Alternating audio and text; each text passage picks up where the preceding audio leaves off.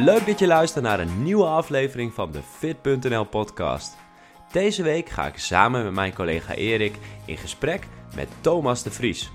Hij heeft namelijk zijn eigen podcast waarin hij topsporters, coaches, schrijvers en experts in het veld interviewt over het onderwerp zelfontwikkeling. Nou, omdat hij zich zo daarin heeft verdiept en veel mensen heeft gesproken, dachten we dat het een leuk moment is om hem te vragen naar zijn levenslessen en tips voor zelfontwikkeling. Dus laten we gelijk starten met de eerste vraag: wat waren de meest interessante gasten en wat heeft hij hiervan geleerd? Uh, welkom Thomas. Uh, leuk dat je er tijd voor hebt om uh, met ons in gesprek te gaan over zelfontwikkeling. Ja, leuk jongens. Thanks dat ik ehm, gast mag zijn. Ja, we gaan het vandaag hebben over zelfontwikkeling. Je hebt zelf een podcast daarover. En Erik en ik zitten, zaten even te sparren over dat onderwerp. En toen dachten we van, hé, hey, dan moeten we bij Thomas zijn. Coronatijd, mensen zitten veel thuis, oftewel thuis voor reflectie. En jezelf te ontwikkelen, maar ook jezelf tegen te komen. En daarom gaan we met jou in gesprek. Erik, uh, hoe ervaar je dat zelf? Je bedoelt de coronatijd? Ja. Ja, wel veel meer tijd om na te denken. Minder, minder buiten, ik spreek met meer, minder mensen af. En ja, die stilte, dan ja, heb je ook meer tijd om na te denken als het ware. Ik weet niet hoe jij dat ervaart, Thomas. Ik heb dat uh, ook wel. Nu dacht ik al, uh, ook zonder coronatijd, redelijk wat na. dus ik weet niet of het meer is. Um, voor de rest, ik zie het niet per se als iets negatiefs of zo. Ik zie wel dat er ook heel veel dingen wel kunnen. En ik heb wel last van FOMO, dus dat heb ik nu niet, zeg maar. Omdat je hebt geen kans uh, om... Er is niets om FOMO voor te hebben. Dus ik ervaar het niet per se als iets extreem negatiefs. Waar het niet dat ik het ook leuk vind om met mate dingen te doen. Um, dus dat vind ik wel jammer. Um, maar het is niet dat ik meer nadenk, nee. Hmm, hmm. Hey, um, ja, waar ik jou van ken, we hebben samen ook een uh, aflevering gedaan over uh, gedragsverandering. Uh, je hebt ons destijds geïnterviewd, dus we keren de, hem nu om. je hebt in je podcast echt nou, tientallen mensen geïnterviewd over ondernemers, sporters, mensen die boeken hebben geschreven. En vaak komt het terug, als ik het zo zie, op het onderwerp zelfontwikkeling. Um, Later gaan we het hebben over, over je podcast en waarom je uh, die gestart bent. Maar ik ben eigenlijk eerst benieuwd, welke aflevering heeft jou het meest gebracht? Heb je het meest van geleerd? Welke persoon was dat en waarom? Mogen het er meerdere zijn of niet? Ja, zeker. Oké. Nee, ik kan maar er... Uh, ik zat hier gisteren over na te denken. Toen kwamen er drie in me op. Uh, allereerst Paul Venner. Ik weet niet of jullie Paul uh, kennen is toevallig ook de man van Sarai Pannenkoek. Dit zou jullie waarschijnlijk wel wat zeggen. Maar die, uh, ik heb als. Nee, zoals je aangaf, ik ben wel redelijk wat bezig met zelfontwikkeling. En soms bekruipt het gevoel me een beetje van ja. Heb je daar wel echt wat aan? Wat is nou het nut van overal de redenen achter weten en snappen waarom dingen zijn zoals ze zijn?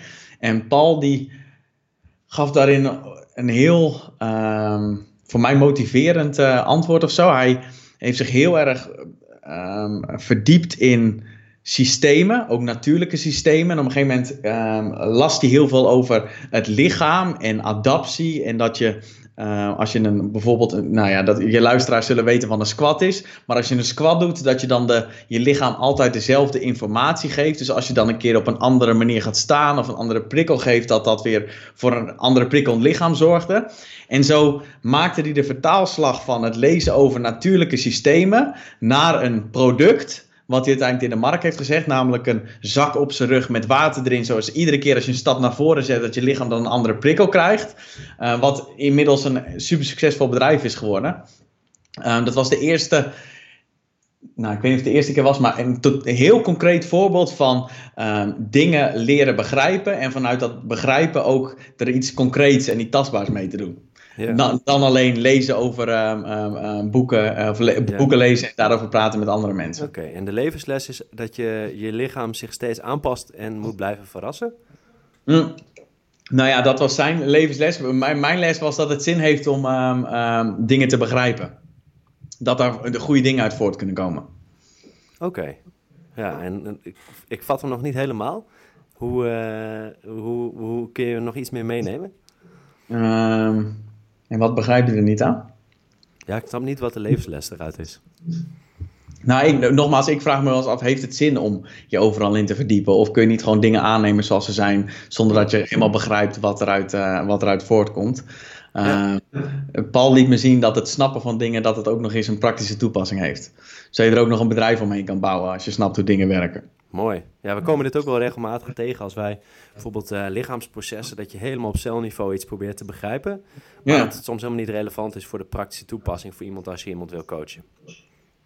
Ja. Exact. Ja, Moet, je, als je, moet je weten dat uh, als je af wil vallen, dat je dan um, uh, minder calorieën moet binnenkrijgen dan je verbrandt. Moet je dan helemaal dat systeem erachter begrijpen, hoe dat werkt met metabolisme en verbranding en zo. Um, ja, dat is een goede vraag. Um, weet ik niet. In het geval van Paul, um, die heeft zich daar dus wel in verdiept. En op een gegeven moment wist hij er zoveel van, begreep hij het zo goed, dat hij met een nieuw product kwam wat super innovatief is en daar een heel groot bedrijf omheen heeft gebouwd.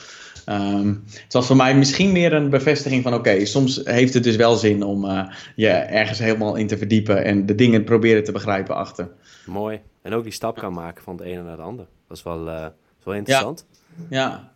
Een tweede... Dan zit je ook bij, bij het stukje innovatie, toch? Innovatiemanagement.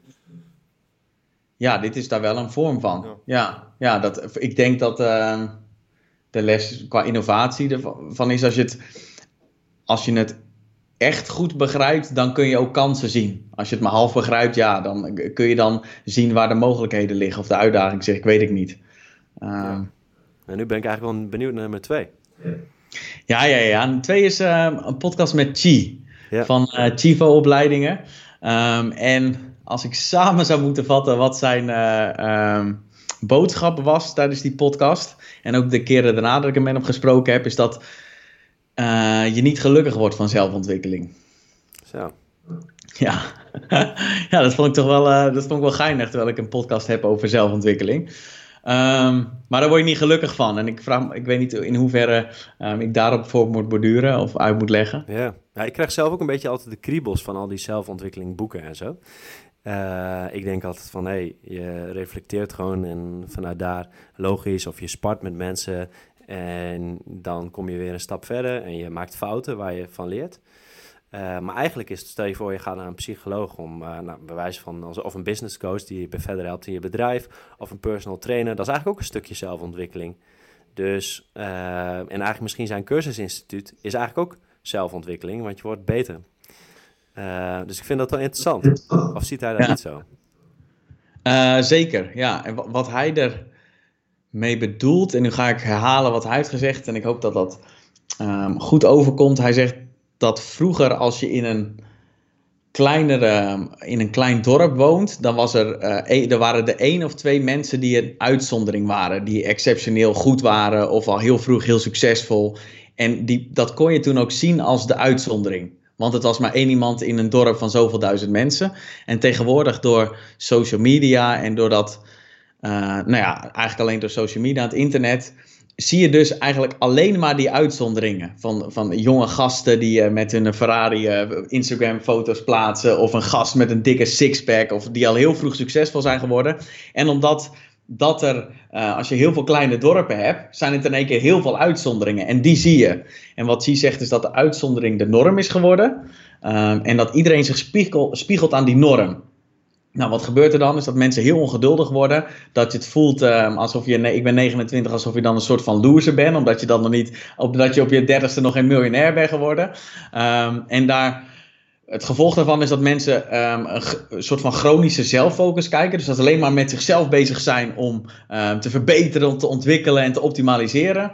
En dat dat niet gelukkig maakt. En Chi stelde in die podcast dat binding dus het hebben van relaties met anderen, dat dat het allerbelangrijkste is voor een mens. En als je dus chronisch met jezelf bezig bent, heb je dus geen ruimte met anderen bezig te zijn.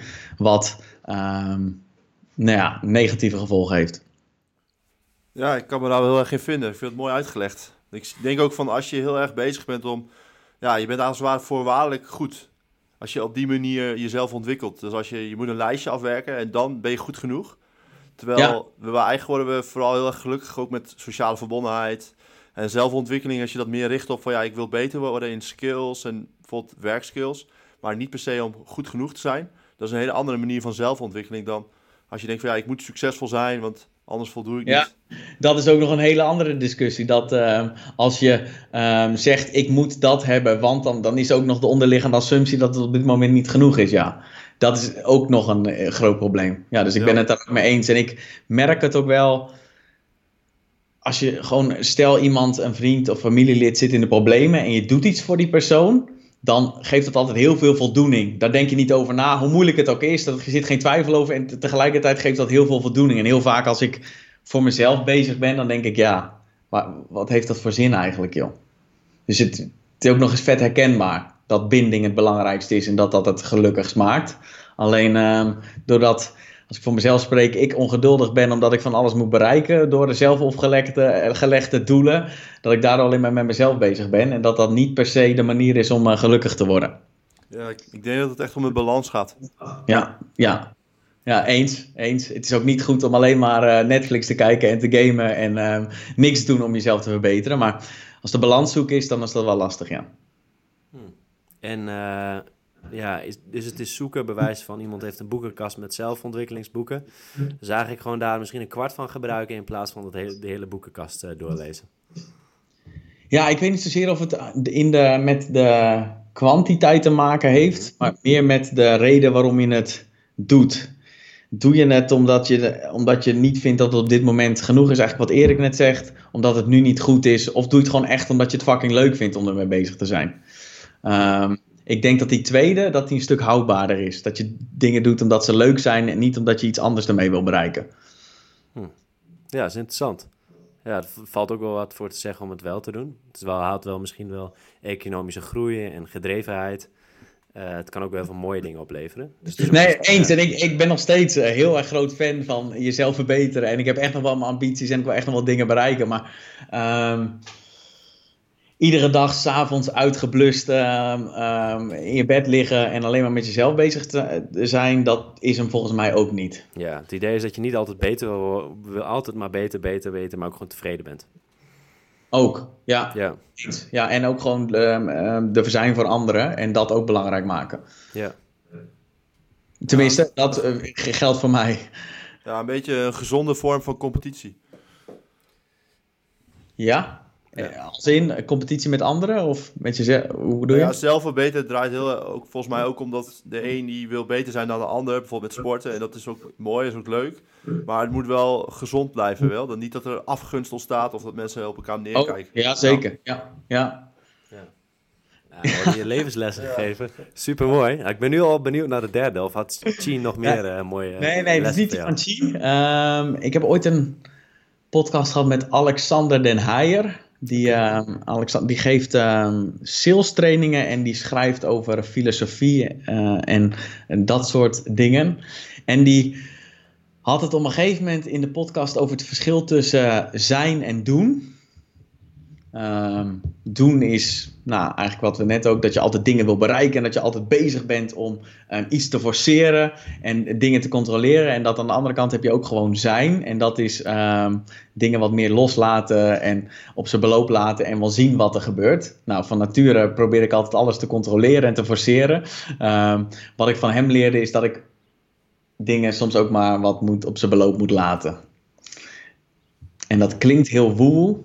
Eh, dat is het eigenlijk ook wel. Maar ehm, als ik kijk naar de dingen in mijn leven die een soort van grote impact hebben gehad. Of me, ehm, de, de, de koers van mijn leven een beetje veranderd heb. Dan heb ik dat meestal niet zelf geforceerd. Dan gebeurde dat gewoon. Ja. ja, het is heel herkenbaar. Het is leuk. Sommige, de verrassingen zijn fantastisch. Je moet Ja. er iets voor doen. Kijk, als je de hele dag thuis gaat zitten, dan, eh, Dan, komt dan het ook niet op je af. er inderdaad niks. Nee, eens. Nee, maar eh, je kan wel iets forceren, maar eh, er komen altijd leuke verrassingen voorbij. En dat is echt Ja, tenminste, klinkt zo eh net oude opa die aan het praten is. Maar, eh, Maar ja, de, dat verrassingen niet? zijn altijd het leukste. Herkennen jullie het? Of de- klinkt het voor jullie als van waar heeft die gast het over? Ja, ik herken het wel.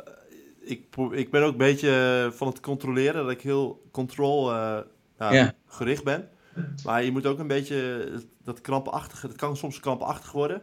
Maar dat je dat loslaat en dat je ook denkt van ja, ik, ik laat het gewoon maar afkomen, het leven. Ja, het klinkt nog steeds zweverig, maar nu ook met corona ja, leven we ook meer per dag. En ja, ik kan niks aan doen. Ik weet niet wanneer het open gaat. Ik, geen idee, maar ja, ik, kijk, ik focus me gewoon, wat, vind ik, wat is voor mij belangrijk? Wat zijn mijn waardes? En daar probeer ik per dag op te leven als het ware. Oké, eh, Ja. contact onderhouden met vrienden en de, de rest. Ik weet niet of je dat bedoelt, een beetje dat... Ja, 100%. Ik, Het is grappig dat je zegt waardes. Eh, ik, ben- ik ben heel veel aan het lezen over de Stoics, Ja, de Stoïcijnen. Ehm, en die hebben een, dat zijn, dat waren, voor degene die niet weet wie dat waren, dat zijn Griekse en Romeinse filosofen die eh, toen de tijd bezig waren met de vraag wat is een goed leven.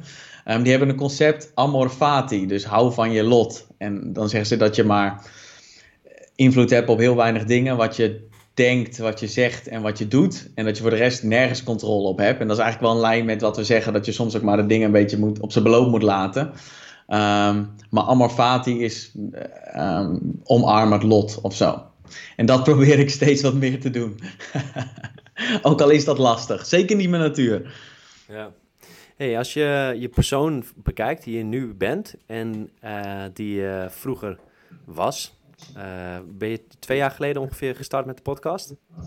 Eh, ja, 2,5. Oké, en laten we dan eh, kijken. Denk je dat je, zeg maar, jouw persoonlijkheid of je inzichten daar echt significant is door veranderd? Of is dat door het natuurlijke verloop gegaan? Ja, ik vind dat moeilijk om ehm, te kunnen zeggen. Ik heb eigenlijk geen idee of dat zo is. Oké, Ehm, ja, je kunt achteraf kun je een heel verhaal maken van nou, dit, dat moment en dat Ja. moment heeft me veranderd. Maar ja, kun je dat echt, volgens mij noemen ze dat de narrative fallacy of zo, dat je achteraf een heel mooi verhaal maakt om het voor jezelf kloppend te maken. Ja. Maar of dat zo is, ik weet wel dat het me heel veel voldoening heeft gebracht. ja, Ehm, ik heb heel veel ehm, eh, toffe gesprekken gehad. En zelfs al eh, zou ik geen microfoon hebben, dan zou ik het meeste voldoening krijgen uit gesprekken zoals deze. Gewoon omdat het me dat, ehm, nou ja, dat voldoening geeft. Ja. Daarnaast heb ik ook nog heel veel leuke mensen ontmoet. Dus in die zin heeft het me wel, eh, wel veranderd. Ja. cool. Je podcast heette eerst eh, Dit Keer Wel. En Ja. eh, misschien heette hij ervoor nog Thomas de Nee, Vries, dat weet ik niet. Dit keer, dit keer wel, waarom niet? En Ja, nu, en-. Ja, en nu is het Acted Out. Eh, waarom heet het nu Acted Out en waarom heb je die verandering gemaakt? Ehm, omdat ik. Nou, de simpelste uitleg is: er zit een verschil tussen weten en doen. Het is heel makkelijk om ehm, heel veel te weten, maar het niet in de praktijk brengen. En juist in de praktijk brengen, daar zit, eh, daar zit de waarde.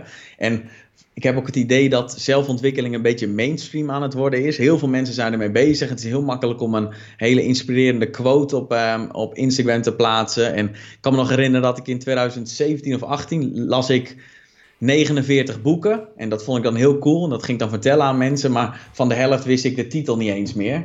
En dan. Ja, dan, dat heeft niet zoveel zin, joh. Dus het is eh, beter om het gewoon te laten zien in je daden dan eh, te, te zeggen wat je allemaal weet. Act it out. Ja. Oké, gewoon, eh, gewoon handelen. Dat is, Ja, dat is mooi. Daar gaat het om. De- daar Ja. zit de waarde in. Daar zit de waarde in. Daar hoef je niet voor te lezen en daar hoef je ook niet bezig te zijn met zelfontwikkeling. Ja. Eh, als je het gewoon doet, dan is prima. Ehm, is er iets wat je bent tegengekomen qua eh, les, wat, van iemand die je hebt geïnterviewd of de laatste jaar bent tegengekomen, wat je dacht van, oh, dat ga ik echt in de praktijk toepassen.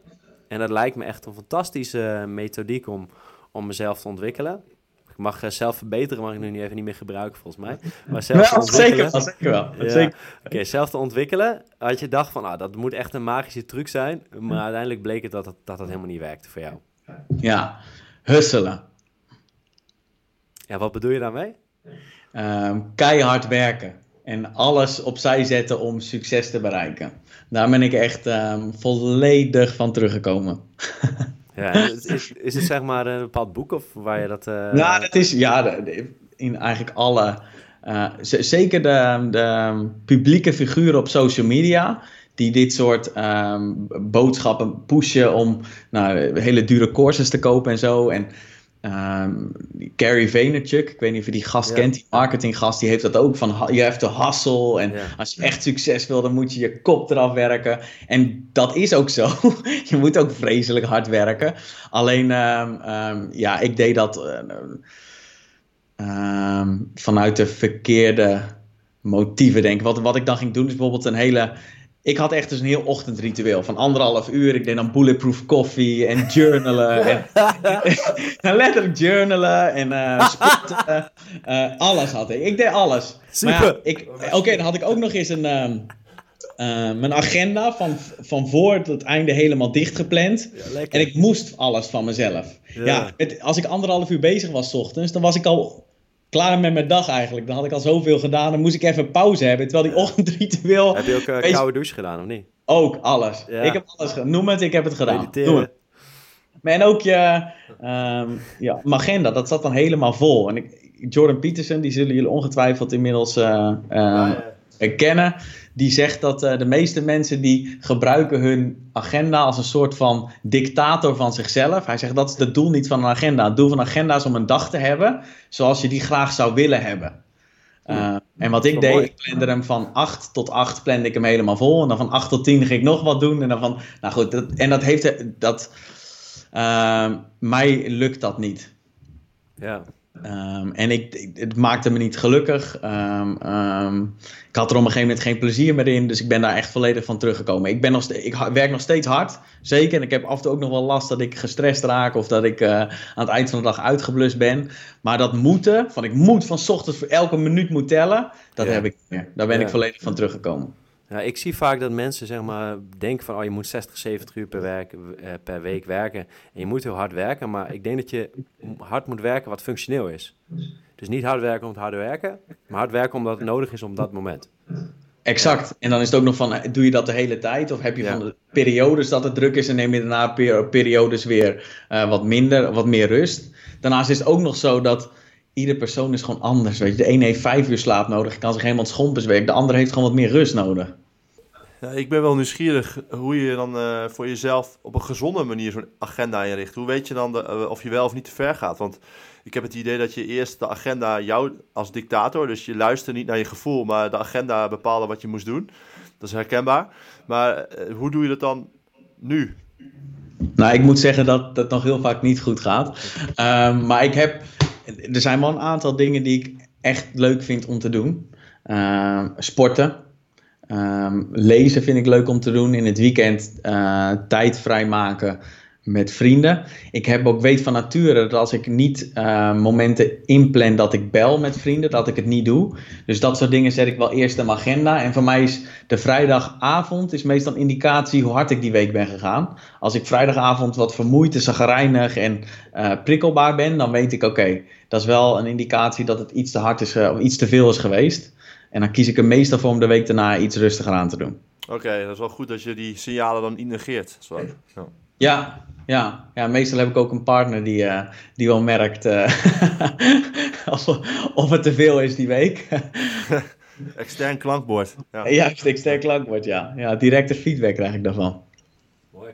Ja. Ehm, wij, wat zijn twee boeken, of eh, mag er ook drie noemen, eh, waar je denkt van hé, hey, dat heeft me echt inzicht gegeven? Ja, dat is een goeie. Ehm, ik weet niet of ik ehm, twee favoriete boeken heb. Ik heb wel twee boeken die me de laatste periode heel veel gebracht hebben. Ja. Ehm 12 Rules for Life van Jordan Peterson. Niet zozeer om het boek, want eh, ehm, ehm, ik heb het boek net pas gelezen en ik ben al echt twee jaar heel groot fan van eh, de beste meneer. Ja. Maar 12 Rules for Life, omdat ik het eh, ge- gewoon de boodschap van die vent, eh, vind, nou, vooral zijn, de manier waarop hij het zegt, vind ik heel erg interessant. Ehm, Ja, Ik En- ken hem niet, dus we, misschien even voor oh, de kent, je luisteraar. kent hem echt niet? Nou, ik weet dat hij op YouTube eh, best wel wat dingen zegt. Erik kent volgens mij wel een beetje, maar wat, wat, wat brengt die man precies? Ja, daar ben ik wel benieuwd naar. Wat, wat zou een luisteraar aan, aan, eh, aan zijn adviezen hebben? Ik heb wel eens gelezen, ik heb een stuk van zijn boek gelezen, maar ik kwam er niet echt goed doorheen, als ik eerlijk ben. Ik, ik ben op de helft gestopt. Ik vond het soms te abstract, dat ik het niet helemaal snapte waar hij het over had. Eh, Maar hij had het onder andere over dat je rechtop moet staan als een, eh, hoe heet zo'n dier? Zo'n eh, zo'n krab. Ook al sta je laag in de pikorde, je moet rechtop staan, want dan straal je uit dat je alsnog status hebt. Eh, maar ik, ik vond het wel interessant dat hij heel erg die kant benadert van eh, de maatschappij, dus heel erg in, in die status eh, frame als het ware. Terwijl je ziet nu in deze crisis dat we ook heel erg solidair zijn naar elkaar. We helpen elkaar. Dus Ja.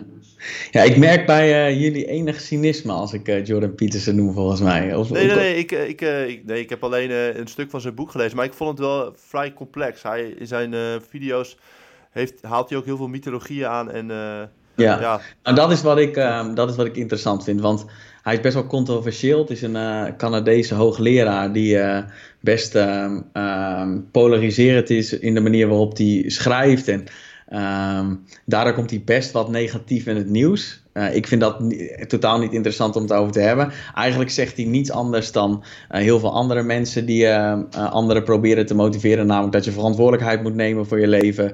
Dat je een doel moet hebben. Dat je rustig daar, dat je daar moet voor, voor moet werken. Dat je ook nog aardig bent voor je omgeving. Alleen zijn invalshoek is vanuit de mythologie. Uh, dus hij gebruikt heel veel Bijbelse verhalen, heel veel Disney-films. The Hero's Journey komt erbij. Mm-hmm. En ik heb dat altijd interessant. Ik heb films ook altijd heel cool gevonden. En uh, ik merk dat die mythologische invalshoek, dat, dat, dat, dat, dat ik dat interessant vind. Dus dat de boodschap dan beter binnenkomt. Ja, ik kan het wel mooi vertellen, inderdaad. Ja, ja dat ook nog, ja. ja, ja. hij weet het ook heel goed over te brengen. Alleen, ja, wat ik soms een beetje bij hem mis, is dat hij kritisch is naar wat hij zelf zegt. Zelfkritiek. Oké, waar welke, welke haken en ogen zitten aan datgene wat ik zeg? Hij vertelt heel erg als, dit is de waarheid van hoe ik het breng. Dat moet je, zo komt het een beetje over. En dan krijg ik altijd een beetje van, hmm, word ik wat argwanig. Mm. ja, ik kan me voorstellen dat als iemand weinig zelfkritisch is, dat je dan op een gegeven moment denkt van, ja, oké. Nou, nee, hij zegt ook heel veel goede dingen. Uh, en, en, en, ook dingen die, die wel, uh, wel ergens, uh, wat je, waar, je, waar je wat aan kan hebben. Maar alleen, ik mis soms gewoon een beetje dat hij ja, zelf kritisch is naar uh, zijn theorieën, de manier hoe hij de wereld ziet. Uh, want ja, hij heeft ook een bepaalde manier hoe hij de wereld ziet. Maar hij zegt niet van ja, oké, okay, hier weet ik het niet. Of hier, dit zijn, nu ben ik aan het speculeren. Of dit zijn aannames. Of dat mis ik mm. een beetje in zijn verhaal soms. Mm. Ja. ja. Dat is een beetje meer als een profeet, komt hij over soms. In de zin van, heel, uh, ja, dan krijg ik soms een beetje van, ah, ja, maar dat is ook een stukje marketing. Als je wat ja. genuanceerder bent, verkoop je wat minder boeken en dan heb je minder aanhangers. Dus dat is misschien ook nog wel eens een bewuste keuze. Uh, maar goed, dat is wel interessant. Zou kunnen. Ja, ja ik heb me nooit zo verdiept. Ik ben me op andere dingen gericht. Maar ja, ik ben meer bij, uh, leren, bij leren door fouten in plaats van leren door, uh, door daar heel erg in te verdiepen, verdiepen en met mensen praten. maar goed, heb je nog meer dingen die je van hem wilt delen die heel waardevol zijn? Um, nee. Nee. Nee. Oké. Okay. Nee. Ik heb wel een tweede boekje nog. Ja? mooi. Um, het zakboekje van Epictetus. Um, het is een klein boekje. Ja, het is geen, we hebben geen video natuurlijk. Ik heb hem uh, vorige week gelezen. Er 48 lessen in van, van Epictetus. Ja, ja. Vandaar het boekje ook het zakboekje van Epictetus heet. Maar het is een, uh, een stoic. Ja, dat en hij al. Een 48 lessen heeft hij, uh, heeft hij opgeschreven. Um, echt heel interessant. Ja, ik vind het zo grappig dat iemand die 2.500 jaar geleden dingen heeft heeft opgeschreven die nu zeg maar 2.500 jaar later nog steeds gewoon um, super relevant zijn. Ja. ja bijzonder is, vind ik dat. Is er een, uh, een zin die je eruit kunt halen? Uh, ja. ja? Fo focus je alleen op wat je denkt, zegt en doet en laat de rest los. Ja. En hoe zou je dat, als je dat voor jezelf doet, om een voorbeeld te geven, hoe zou je dat in de praktijk kunnen toepassen? Want ik heb wel eens dat ik denk bepaalde nou, levens... Ik denk, dat de, ik denk dat de coronacrisis het perfecte voorbeeld is. Ja, maar straks verandert uh, de wereld weer en uh, komen er weer meer afleidingen of heb je minder momenten voor zelfreflectie. Ik lees dan wel eens een, bijvoorbeeld op Medium, nou, lees ik wel eens een artikeltje over zelfontwikkeling of uh, reflectie. En denk, oh, dit zijn echt hele goede tips, die moet ik even opslaan of op mijn koelkast plakken of uh, in mijn telefoon zetten. of op mijn, ja, weet ik, geen idee, overal waar ik tegenkom. Dan moet ik steeds mezelf blijven, blijven mee spiegelen. Maar hoe zorg je ervoor dat je zo'n levensles, dat je, die, dat je die voor jezelf recent houdt? Ja, ik weet niet of ik daar een goed antwoord op kan geven, Jeroen. Uh, hoe kun je dat... Hoe doe ik dat zelf, laat ik het zo zeggen. Ja. Ik heb sowieso geen antwoord voor iedereen. Ik, voor mij werkt het als ik er uh, letterlijk iedere dag mee bezig ben. Hm. Ja. Uh, dus op het moment dat ik merk dat ik in dit geval dat ik me weer druk maak over de toekomst, van wat gebeurt er met mijn baan en wat wil ik nou eigenlijk, of over het verleden, van ja, kut, waarom heb ik dat gisteren nou weer gezegd? Ja. Dat ik dan denk, oké, okay, heeft dat zin? Kan ik daar invloed op uitoefenen? Of valt dat buiten waar ik ja. uh, invloed op heb? En dan probeer ik het niet te doen. Maar ja, dus niet, ja, ik weet niet of ik daar een, een goed antwoord op kan geven. Veel mee bezig zijn, dat werkt voor mij. Wat ik, ik, ik heb me ook wel eens verdiept in de stoïcijnse filosofie. En wat ik ervan begreep, eh, is dat je hebt bijvoorbeeld een situatie. Ja. En dan kan je het heel erg feitelijk gaan beschrijven. Of je gaat een normatieve norm aanvullen van dit mag niet gebeuren. En dan word je bijvoorbeeld boos. Stel je iemand scheldt je uit. Terwijl de stoïcijnen zeggen dan van ja, die situatie maak je niet ongelukkig of boos, maar de manier hoe je er betekenis aan geeft. En dat stukje, hoe je de betekenis aan geeft, daar heb je invloed op. Bijvoorbeeld door te zeggen van ja, zeggen dit mag blijkbaar, want het gebeurt in de praktijk. Dit is beetje, nog steeds een beetje abstract, maar wat ik dan wel, ik vind het wel een, een, een, een uh, iets waar je veel aan kan hebben. Ook bijvoorbeeld als je eh, onrecht aan wordt gedaan. En je kan dat zeker gebruiken. Alleen ja, we hebben ook principes wel van dingen waar we naar streven waardes. En ik, ik vind het soms lastig hoe je dat op een bepaalde manier kan verenigen. Want stoïcijnen die zeggen heel veel, ja, emoties ontstaan door gedachten en door de manier hoe je naar de situatie kijkt. Maar aan de andere kant, ik ben wel erg van, ja, ik vind dat er wat gedaan moet worden aan het klimaat. En ik vind wat er gedaan moet worden aan ongelijkheid in de wereld. En dat is voor mij belangrijke waarden. En ik kan me soms echt boos maken omdat de wereld bijvoorbeeld onrechtvaardig is. En denk van, ik laat het los. Doe ik die stoïcijnse. Maar aan de andere kant... ja, dat, ja, nee, echt. Dat ik zit te worstelen met van, ja, wie ben ik? En ik ben geen machine die geen gevoel heeft. Wel? Dus dan zit ik te denken van ja, hoe kijk jij daar tegenaan? Hoe ga je dat toepassen?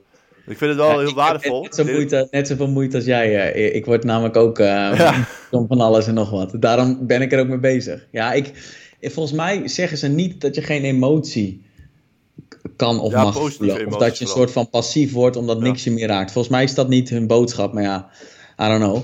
Um, ik, als ik naar mezelf kijk, dan heb ik ehm, regelmatig een heftige reactie dan nodig is. En dan blijft het ook langer voortborduren en dan maak ik me druk op dingen waar ik echt geen invloed op heb. Ehm, en ik weet dat het beter zou zijn om dat wat minder te doen. Dus dat, daar probeer ik op te focussen. Ja. Dus dat het, die, die emoties moeten functioneel blijven als het ware. Dat je er niet. Dat je nee, ja, nee, nee ik, ja, ik, die emotie die blijft er gewoon. Volgens mij zijn we namelijk echt een soort van... Nou, we zijn gewoon apen eigenlijk. Dus daar hebben we eigenlijk heel weinig invloed op. Ik denk, geen emotie voelen, waar slaat dat op? Dat is en niet realistisch. En dan zou je dus ook de positieve emoties niet kunnen voelen. En dat zou ik niet willen. Ehm, maar ik denk dat er een verschil zit tussen drie weken boos blijven als iemand je onrecht heeft aangedaan. Of uh, kort boos worden, zeggen dat je het niet relaxed vindt, vragen of die andere persoon het volgende keer anders wil doen en het dan los te laten. Ja, ja ik denk dat het zeker wel waardevol kan zijn natuurlijk, maar ja, je hebt nu ook IC-personeel wat, wat hele heftige dingen meemaken, die waarschijnlijk een trauma ontwikkelen ja, en die, die zouden dan een bepaalde behandeling moeten hebben. Ja, dan zou het met die emoties omgaan, ja, dan ja, dat is niet, niet altijd in elke situatie even bruikbaar natuurlijk, maar dat is met heel veel dingen zo. Ja, ja. nee, moet je het ook verwerken, over die emoties praten en ja, dan kan je het wel. Anders kan het misschien een soort wegstoppen worden, wel, als je het zo. Ja. Eens, en daar heb ik echt. Sommige mensen die hebben inderdaad professionele hulp nodig. En dat kun je niet met een soort van gedachte-experiment van. Oh, ik ben nou een stoic, dus ik kan geen emotie voelen. Als je gewoon hele vreselijke dingen ziet, ja, dan heeft dat gewoon invloed. Maar ik, ik kan alleen maar voor mezelf praten. En ik weet van mezelf dat ik soms minder heftig kan reageren of minder me druk kan maken over dingen waar ik toch geen invloed op heb. Ja, dat is mooi. Ehm, gaan we nog even hebben over iets praktisch voor mensen die. Uh, nou, wat, wat heeft het jou gebracht? Je bent een podcast gestart. Uh, dat moet je wel durven. Je moet ten eerste presenteren, je moet uh, jezelf naar buiten brengen en zo. Dus dat, dat lijkt me best wel spannend. voor mensen die ook die ambitie hebben. Van hoe heb je, hoe, waarom ben je dat gestart? Hoe durf je dat? Ja. Um, hoe durf ik dat? Dat is een beetje de. nu ga, je het, uh, ga ik het slechtste en het beste advies ever geven. Gewoon doen. Ja, dat is natuurlijk echt het kutste advies, omdat dat is ook zo. Alleen als iemand het niet durft, is dat het meest waardeloze um, uh, advies. Ik vond het op een gegeven moment. Um, zeg maar, ik, ik had de motivatie om het wel te doen was groter om de spanning om naar buiten te treden en om achter een microfoon te gaan zitten. En ik heb eerst de aflevering met een vriend gedaan om een beetje klein te beginnen. En toen dacht ik, oh, dit is zo vet, dit wil ik, uh, dit wil ik vaker doen. Dus wat heeft het me gebracht? Heel veel voldoening. Ik heb alle gesprekken die ik heb gehad, heb ik als super vet ervaren. Ja. Um, En, dat beloning voor mensen die dat ook van plan zijn. Want nou ja, dan zeggen ze van je moet een beetje eh, even wat lekkers voorhouden. Dus iemand die nu uh, denkt van ik wil mijn eigen podcast starten. starten. Naast voldoening, uh, wat, wat heeft het jou gebracht? De, de, rest, vrienden, je hebt mensen leren ehm, kennen. Maar ja, qua persoonlijke skills, wat heb je er nog meer aan overgehouden? Ja, ik weet dus niet of ik er skills aan heb ook. Ik kan namelijk niet duiden van hetgene wat ik geleerd heb, waar dat dan precies vandaan komt. Hmm. Ik heb wel het idee dat als ik met onderwerpen praat over mensen, als ik de vragen kan stellen die ik als ik bijvoorbeeld hun boek lees geen antwoord op eh, krijg, dat ik het dan beter snap. Dus misschien de dingen waar ik toch al mee bezig was, snap ik nu beter of zo, of pas ik meer toe. Dat zou kunnen. Uh, maar als je de twee dingen benoemt, is voldoening, het halen van de gesprekken en toffe mensen ontmoet. Kijk naar ons, wij hebben ook nog in Bali hebben met elkaar, uh, zijn we uit eten geweest met mijn maat uit. Dat is fucking leuk toch? Dat komt alleen maar omdat ik een keer een berichtje naar jou heb gestuurd van hey, zullen we, zullen we podcasten? Ja, ja, dat is heel positief. Zeker. Ja, leuk. Dat uh, kan ik beamen. Uh, gaan we terug nog even naar de tip. Uh, we sluiten deze podcast altijd af met één tip die je zou mogen geven aan de luisteraar. Klinkt een beetje als een profeet. maar goed, mag je... ja, dus bij deze, als je één tip, mag heel breed, mag druk, voeding, om de training, van de keten eraf, halen. alles gaan. Laat ik uh, zeggen dat... ja, welke tip zou je geven? en ik, ge ik geef hem vooral aan mezelf. Hm. Ehm, dat ik een beetje ehm, lief voor mezelf moet zijn. Mooi. En dat is, ehm, kijk, best wel een zachte, zachte opmerking of zo, maar zeker voor types zoals uh, ik, een beetje alfa-types met een ego uh, die eigenlijk niet in het appartement past. Ja, dat valt uh, mee. En zeker als je ook bezig bent met zelfontwikkeling, dan ben je gewoon de hele dag dingen aan het doen waar je niet goed in bent en waar, je moet leren en constant fouten maken. En Um, het is allemaal een stuk makkelijker om die fouten te maken en weer door te gaan als je vervolgens niet ook jezelf nog eens een keer uh, tussen je oren helemaal af aan het maken bent. Um, dus dat je jezelf toelaat om um, nou, fouten te maken en uiteindelijk doen we allemaal maar wat. Wij ook allemaal. En dat ook accepteren van jezelf, dat heeft mij, levert mij in heel veel op. Mooi. Goeie tip. Waardevol. Ik denk uh, prachtig om mee af te sluiten. Meer lief zijn voor jezelf en ook voor anderen natuurlijk. Dus uh, bedankt voor deze leuke en, uh, en ook wel een stukje diepgaande informatie. En uh, ja, gaan we zeker nog een keer doen. Oké okay, mannen, thanks. Dit was de aflevering met Thomas de Vries. Wil je meer informatie? Ga dan naar fit.nl slash interview. Daar vind je alle linkjes naar de besproken artikelen en boeken. En we zijn heel benieuwd wat je van deze podcast vindt. Laat even een review achter op iTunes of deel deze podcast via social media. En dan wil ik je bedanken voor het luisteren. Tot bij de volgende aflevering.